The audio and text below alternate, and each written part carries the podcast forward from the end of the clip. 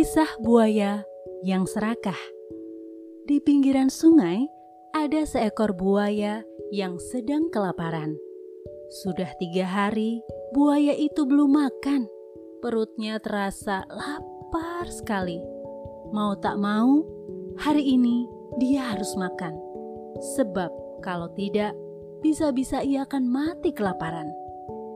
Buaya itu segera masuk ke dalam sungai ia berenang perlahan-lahan, menyusuri sungai, mencari mangsa. Buaya melihat seekor bebek yang juga sedang berenang di sungai. Bebek tahu dia sedang diawasi oleh buaya. Dia segera menepi.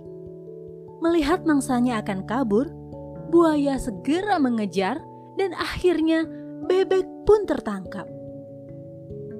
Ampun buaya, tolong Jangan mangsa aku. Dagingku sedikit. Kenapa kamu tidak memangsa kambing saja di dalam hutan? Ucapnya seraya menangis ketakutan. Baik, sekarang kau antar aku ke tempat persembunyian kambing itu. Perintah buaya dengan menunjukkan taring yang sangat tajam. Berada tidak jauh dari tempat itu, ada lapangan hijau tempat kambing mencari makan.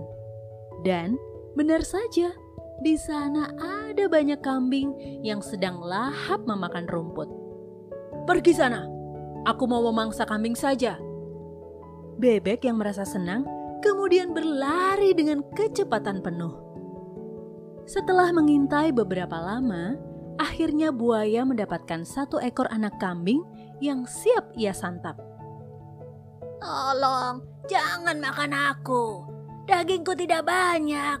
Aku masih kecil. Kenapa kamu tidak makan gajah saja yang dagingnya lebih banyak? Aku bisa mengantarkan kamu ke sana.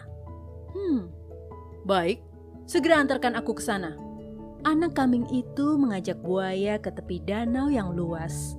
Di sana ada anak gajah yang besar.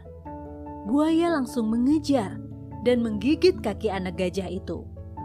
Walau besar, tapi kulit gajah itu sangat tebal, jadi tidak bisa melukainya. Anak gajah itu berteriak meminta tolong kepada ibunya. Sementara buaya terus saja berusaha menjatuhkan anak gajah itu. Tapi sayang, tetap tidak bisa. Mendengar teriakan anaknya, sekumpulan gajah mendatangi dan menginjak buaya itu sampai tidak bisa bernafas. Buaya itu tidak bisa melawan karena ukuran ibu gajah itu sangat besar. Ditambah dia juga lemas karena belum makan. Buaya itu kehabisan tenaga dan mati.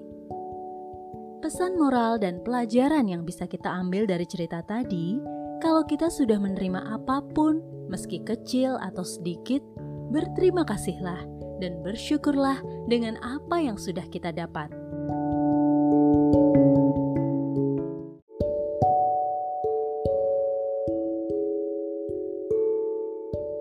Dongeng ini menceritakan tentang kelinci yang sombong yang merasa dirinya adalah binatang dengan kemampuan berlari paling cepat.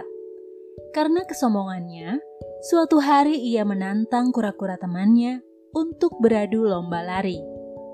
Kura-kura yang rendah hati menerima ajakan si kelinci tanpa tahu maksud jelek di belakangnya. Si kelinci yang sudah yakin sekali menang sangat bersemangat dan mengabarkan ke seluruh hutan jika ia akan mengikuti lomba lari dengan kura-kura. Dengan sombongnya, ia menyuruh seisi hutan untuk melihat kemenangannya.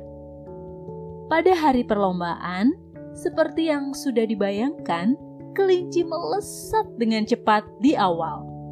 Sedangkan kura-kura yang berjalan lambat dengan santainya terus berusaha berlari sebisa mungkin mengejar kelinci. Mendekati garis finish, kelinci yang sombong memutuskan untuk tertidur sejenak di bawah pohon karena yakin sekali kura-kura tidak akan mungkin menyusulnya. Namun ternyata kelinci tertidur pulas lebih lama dari yang ia rencanakan. Dan kura-kura pun menyusul serta memenangkan lomba. Pesan dari cerita ini adalah kita tidak boleh meremehkan kemampuan siapa pun, juga harus tekun jika ingin memperoleh kemenangan. Seperti kura-kura yang berhasil mengalahkan kelinci.